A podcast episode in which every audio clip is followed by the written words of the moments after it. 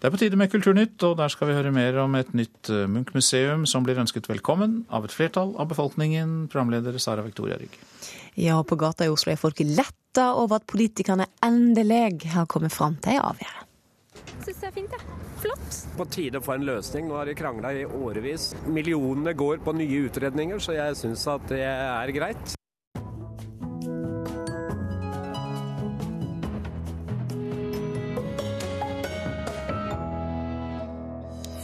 55% av befolkninga sier ja til et nytt Munch-museum i Bjørvika, syner undersøking. Det blir laga for få filmer med kvinnelige førebilder for unge jenter, mener Oscar-vinner.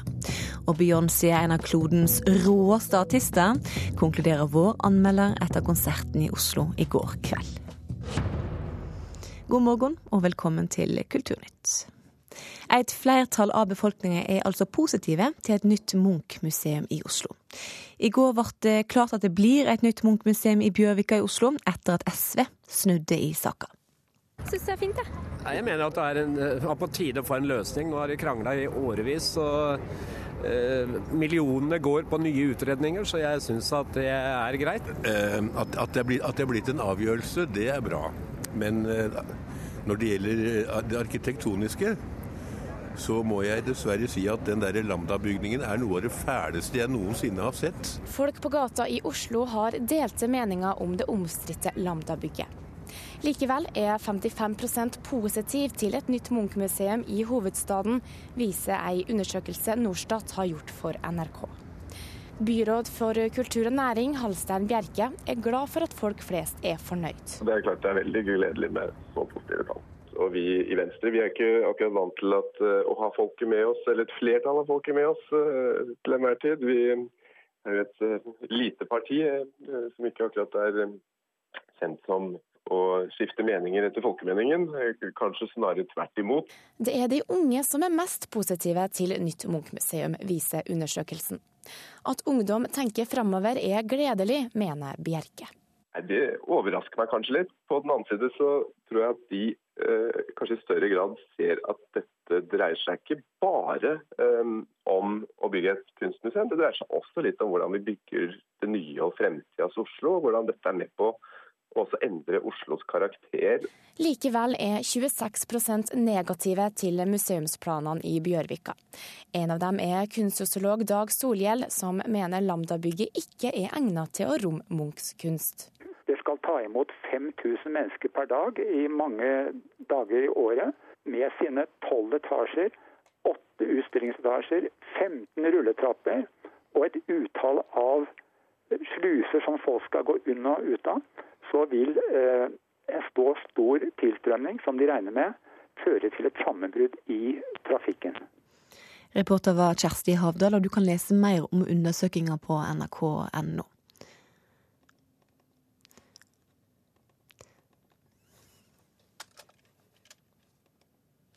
Kunstdirektører over hele landet gratulerer Oslo med avgjørelsen om å plassere Munch-museet i Bjørvika. Samtidig så tror de den lange striden har vært skadelig for Norge som kunstnasjon. Men nå gleder det seg først og fremst over at partene endelig har kommet fram til en løsning. Jeg syns det er fantastisk at man egentlig har kommet til et beslut. Det har vært lenge på tide å handle, og derfor er det veldig gledelig at Oslo har valgt å gjøre dette. Jeg vil si gratulerer. Nå kommer gratulasjonene fra kunstdirektører i hele landet. Pontus Kyander ved Trondheim kunstmuseum mener det var på tide at Norge får et signalbygg for å ære Munch. Jeg syns vi alle skal glede oss. At vi, Oslo får et kjempefint bygg. Eh, Norge får ytterligere et, et, en fin eh, museumsbyggnad. Og det her er jo noe som tar oss alle en bit framåt. Det er også en måttstock på hva et museum er i dag. Den lange prosessen har vært skadelig, mener direktør Karin Hinsbo ved Sørlandets kunstmuseum, og er letta over at det har kommet en konklusjon. Jeg syns først og fremst at det er veldig bra at man har funnet en løsning. Øh, for det har jo holdt på i noen stund, det her. Og øh, det må sies å være bra at det er kommet en løsning på det hele nå. Jeg syns det er et riktig valg å gjøre. Erlend Høyersten på telefon fra Venezia er direktør for Kode, kunstmuseet i Bergen. Han tror det nye Munch-museet kan gi positive ringvirkninger i Bergen, som også har ei stor Munch-samling. Men Høyersten er likevel redd for at et stort statlig bidrag til Munch-museet kan gå utover kunstmuseene i regionene. Så Det som han bekymrer meg for, er jo nettopp det om dette blir nok et sluk, pengesluk i Oslo som legger føringer for resten av kultursatsingen i Norge. Jeg vil være tydelig på at jeg mener at arven etter Munch er så viktig, så verdifull for hele landet, at det er naturlig at staten eh, bidrar til dette. Kulturminister Hadia Tajik er klar på at Munch skal prioriteres høyt men hevder likevel at regionene ikke trenger engste seg. Gjennom Kulturløftet har det vært viktig for regjeringen å satse på alle deler av landet, når vi har økt kulturbevilgningene med 5 milliarder kroner.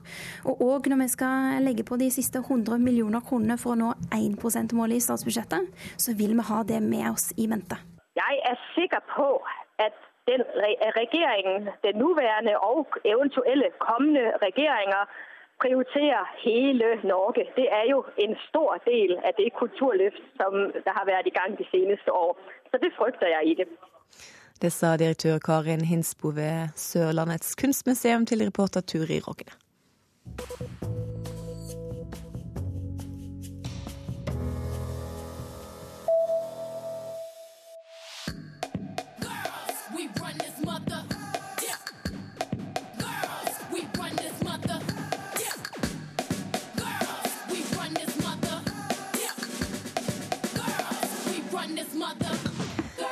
Beyoncé med 'Run the World' hører du her. Og i går kveld helt altså dronninga av pop og R&B-konsert på Telenor Arena. Anmelder i NRK P3 Ali Reza Sofipour, hvordan var konserten? Det var stort, eh, grandiost, eh, pompøst, men intet eh, Altså, det var fabelaktig. Så du koste deg ordentlig? Veldig. Ja. Hva var høydepunktet? Uh, høydepunktet, det var altså, jeg, altså, Ikke for å være patriot her, men 'Irreplaceable', den låten som er produsert av norske Stargate, det var veldig veldig stort. Uh, og når salen bare, da salen bare klikka fullstendig under 'Survivor' og 'Halo', det var veldig veldig gøy. Det høres ut som du var begeistra. Mm. Var det likevel noe som ikke fungerte akkurat som det burde gjøre? Altså, Beyoncé er jo kjent altså, Så store personligheter er jo kjent for å være litt mer sånn kontrollfrikete. At ting skal være veldig detaljbasert og alt skal gå feilfritt. Så hvis man skulle ta, noe, ta henne på noe, så er det jo det, da. At det kanskje er litt for klinisk. Men altså, hvor ofte er det man får oppleve noe så, så store produksjoner som faktisk klaffer? Det skjer jo aldri. På hva måte mener du klinisk? Nei, at det er uh, kalkulert, kan jeg heller si. da. At hun, uh, det, er, det, er, en start og sluttpunkt, og alt skal gå eh, riktig for seg. Men når hun først går ut av rammene, så sitter jo fraseringen som et skudd. Så nei, det var stas. Det var virkelig, virkelig stas. Altså. Det var det absolutt. Men det var ikke lov til å ta bilde? Ikke lov til å ta bilde. det her er eh, et evig problem, eh, men det her kommer, til bli, kommer vi til å finne ut av en eller annen gang. Det kan, kan ikke fortsette slik. Beyoncé hun er en av verdens eh, største kvinnelige artister. Likevel så er det kanskje flere lyttere som ikke er 100% oppdatert på hvem hun egentlig er. Fortell oss, hvem er hun? Hun starta for halvannen tiår siden med en jentegruppe som heter Destiny's Child, hvor hun fungerte som en frontfigur. Det, det, var, det handla om Beyoncé fra dag én. En sånn sterk, sterk sterk eh, personlighet som, som, man la først merke til uansett. Og Destiny's Child er jo en av de mest selgende jentegruppene gjennom tidene. Uh, plutselig så var det jo tid for å gå solo, noe som vi så egentlig fra dag én. Og siden da så har hun egentlig regjert lister nå altså i 15 år, rett og slett. Veldig, veldig stor. Mm. det er jo ikke bare Beyoncé som har eh, tatt turen innom eh, Norge i vår og i sommer. Vi hadde Justin Bieber Kaos tidligere i vår, og, og Rihanna kommer senere i, i sommer. Hva, hva sier det deg? økonomiske muskler? Eh, jeg veit ikke, altså. Uten å være helt sikker her, så er det jo Det er jo en kjensgjerning at det er eh, økonomisk gunstig å komme til Norge og spille. Men vi er godt stilt. Vi burde bare omfavne det, rett og slett. Du jubla på konserten i går sammen med Hvor mange publikummer var det? Det var 20 000 et eller annet. Det var helt uh, sinnssykt. Gåsehud fikk du, men terningkast? Seks. Seks. En sekser, rett og slett. Sånt opplever man aldri, vet Takk til deg, Ali Reza Sofipour. Bare hyggelig. Du hører på Nyhetsmorgen i NRK P2 og Alltid nyheter. Klokka den er 8.14, og dette er toppsakene i nyhetene akkurat nå. Flere sentrale Frp-ere ser ikke nytten av å bli med i en eventuell ny regjering dersom Venstre og KrF blir med. Kriminelle bander herjer på norske nettsteder, sprayer virus som aldri før. Og regjeringa vil gjøre kulturlivet flinkere til å drive forretning. Legg fram ny handlingsplan i dag. Klokka tolv legger altså regjeringa fram en ny handlingsplan der målet er å gjøre kulturlivet flinkere til å drive forretning. Dette skal ikke erstatte offentlig støtte, men gi oss mer kultur, sier statssekretær i Kulturdepartementet Mina Gerhardsen. Hun har vært i Berlin denne veka og fått ideer og inspirasjon til den nye satsinga.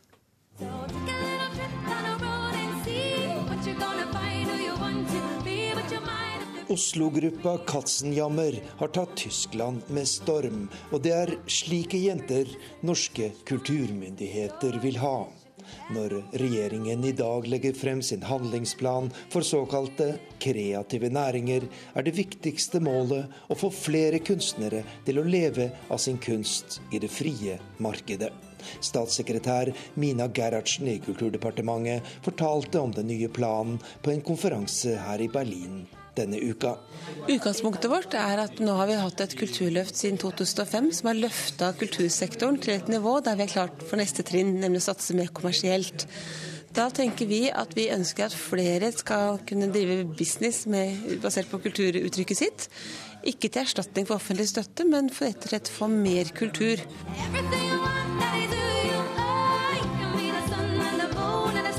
Og statssekretæren mener kulturbyen Berlin er et godt forbilde for regjeringens nye handlingsplan.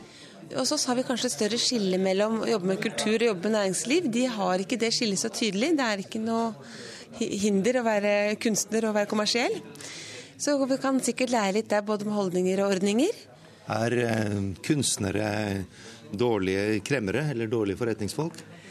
Det har kanskje vært uvant å tenke kommersielt for veldig mange kunstnere, bl.a. fordi vi har sterke offentlige støtteordninger. Men vi ønsker at flere kan, kan tenke kommersielt uten sine produkter. og ja, lage, sats, tørre å satse både hjemme og ute. Tørre å tenke større. It's uh, further than from uh, Chicago to uh, Moscow.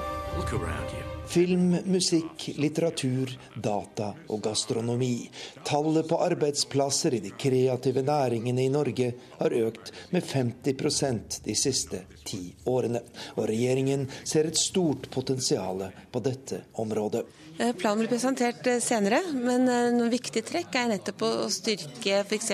Kulturrådet og Innovasjon Norge sitt arbeid med, med bransjen. De kan tenke mer næringsrettet sammen. Ehm, med statistikk. Vi, vi vet at det sendes mye norsk kultur ut av landet, men vi vet ikke akkurat hva hvor mye. og den, Det er klart det er viktig for oss å kunne mer om det. Og med f.eks. satsing på næringshager, det at folk sitter sammen, det har stor effekt. At man da kan gå over gangen og få til samarbeidsprosjekter. Det har vi satsa en del på, det skal vi satse mer på.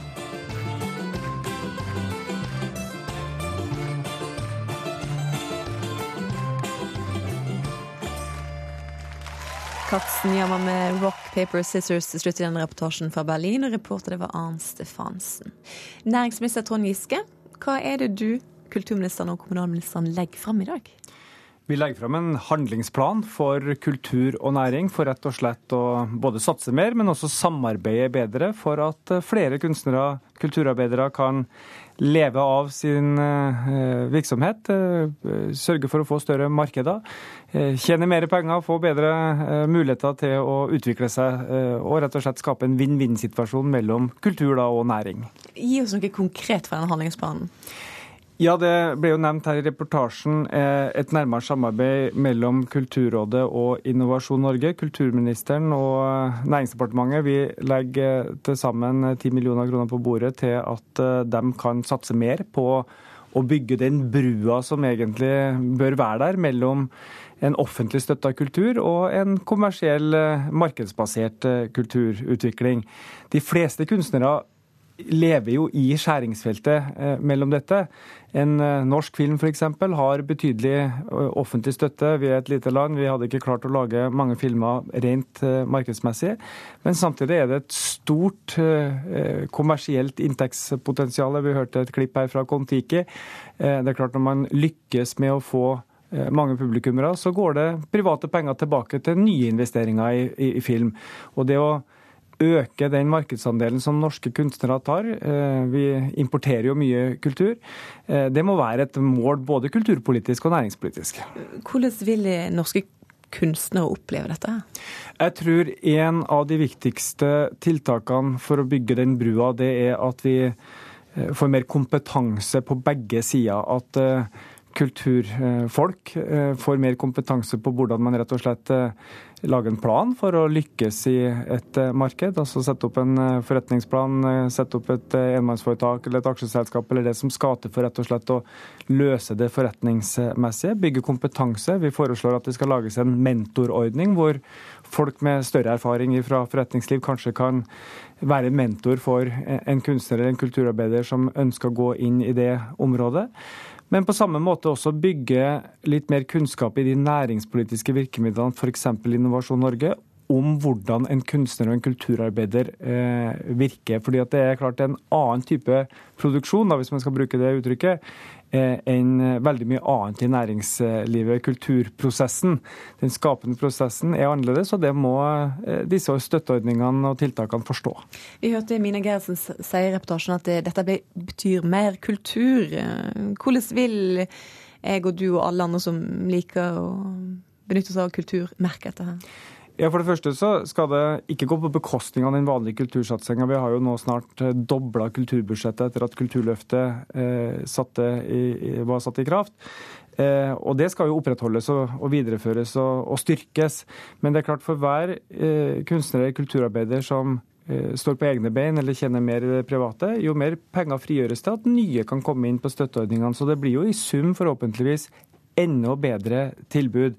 Eh, når, eh, når eh, vi lykkes med dette, så vil vi kanskje oppleve at det er flere norske filmer på kino. Det er flere norske bøker, bøker i bibliotekene og på bokhandelen. Det er enda flere norske musikere som lykkes i, i, sine turneer og, og um, streamingsalg eller uh, CD-salg, hvis det er noen som driver med det fortsatt. Eh, så det, det blir rett og slett mer norsk kultur å, uh, å, velge i. Og jeg tror også det er litt positivt for kunstnerne, for at du får flere bein å stå på. Du blir mer fri i forhold til de offentlige støtteordningene, kan spille på flere eh, hester. Det, det, er um, bra for mangfoldet. Og vi vi får mer fritid, vi får større kjøpekraft, vi bruker mer tid på kultur. og Da er det viktig at vi ikke bare fyller det med importert kultur, men også norsk. Takk, Trond Giske.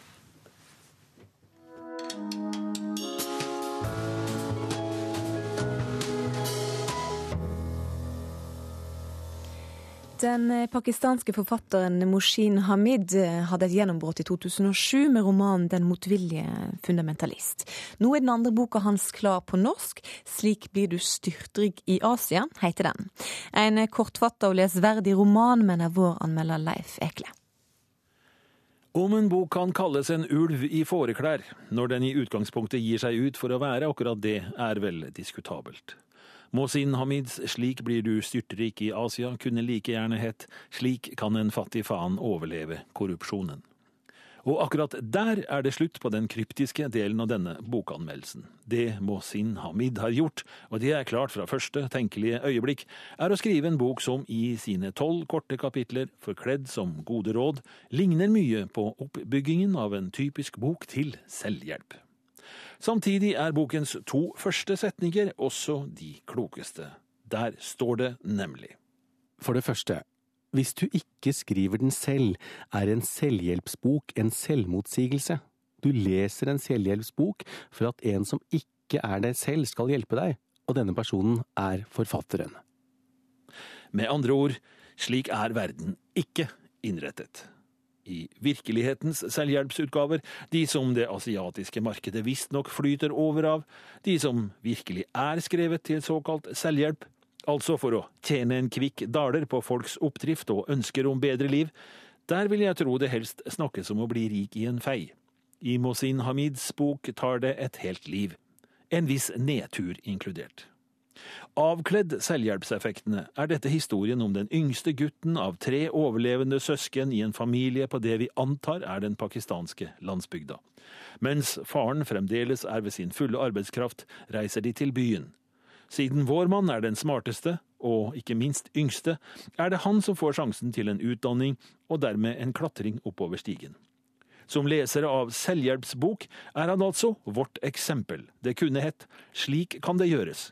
Om ikke et flertall av kapitlene nødvendigvis må handle om hvordan man bør unngå å tenke idealistisk og uselvisk, være klar til å bruke vold og til å utnytte den korrupsjonen som avgjør alt i siste instans.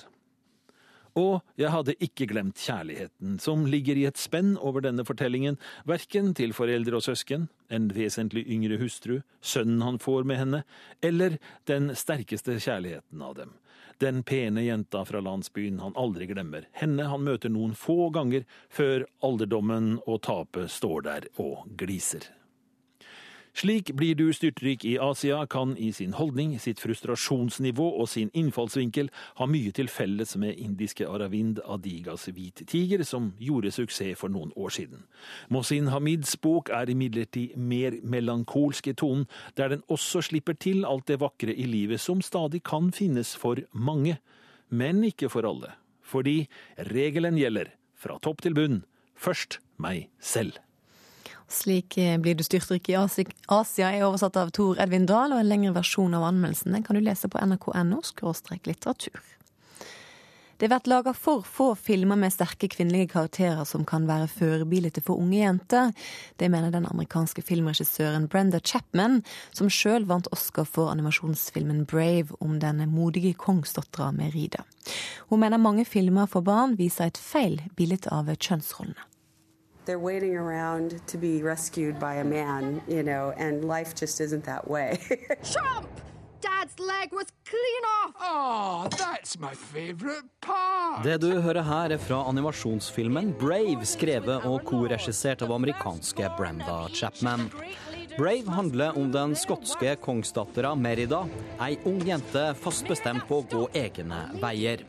Brenda Chapman tok utgangspunkt i sin egen datter da hun skrev historia.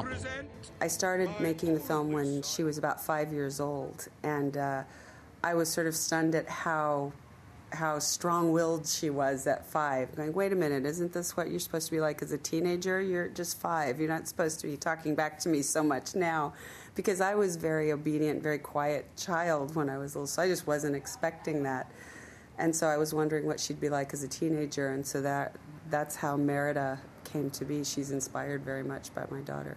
And Merida, uh, how, how would you describe her? Strong willed, stubborn, independent, wanting to be her own person, not wanting to fit in the box that her mother wants to put her in. Selfish to a certain extent. She learns about herself. Hun beskriver hovedpersonen Merida som ei selvstendig og sta jente som nekter å bli putta i bås. She's a strong, strong character.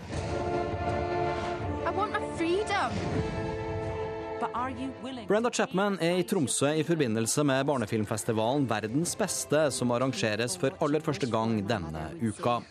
Den Oscar-belønte regissøren er brennende opptatt av å skape kvinnelige filmkarakterer som kan fungere som forbilder for unge jenter. Samtidig er hun skeptisk til filmene som handler om unge kvinner som bare sitter og venter på den store kjærligheten. Slik er nemlig ikke virkeligheten, mener Brenda Chapman. So that, that strong female characters for little girls to aspire to or, or young women to aspire to or that mothers would be proud to you know be happy to have their daughter sit down and watch you know there are other things in life besides finding your mate you know it's yeah that's lovely you know that you can find someone to be with but there's so much more to life beyond that Chapman er nå tilknytta det amerikanske animasjonsstudioet Dreamworks, selskapet som i 1998 produserte hennes første store animasjonsfilm, 'Prinsen av Egypt'. Hun vil ikke avsløre hva hennes neste film skal handle om, men lover at alle hennes fremtidige filmer skal ha ei ung kvinne i hovedrollen. You know, I, I took me a while to come to that decision because I just always thought I just would like to make great stories, you know. It didn't matter male, female, just as long as it was a good story that people could relate to. But after having done Brave and realizing that there's there's just not enough det er altfor få filmer med kvinnelige forbilder og helter for unge jenter. Derfor vil jeg fokusere på nettopp det, sier Brenda Chapman.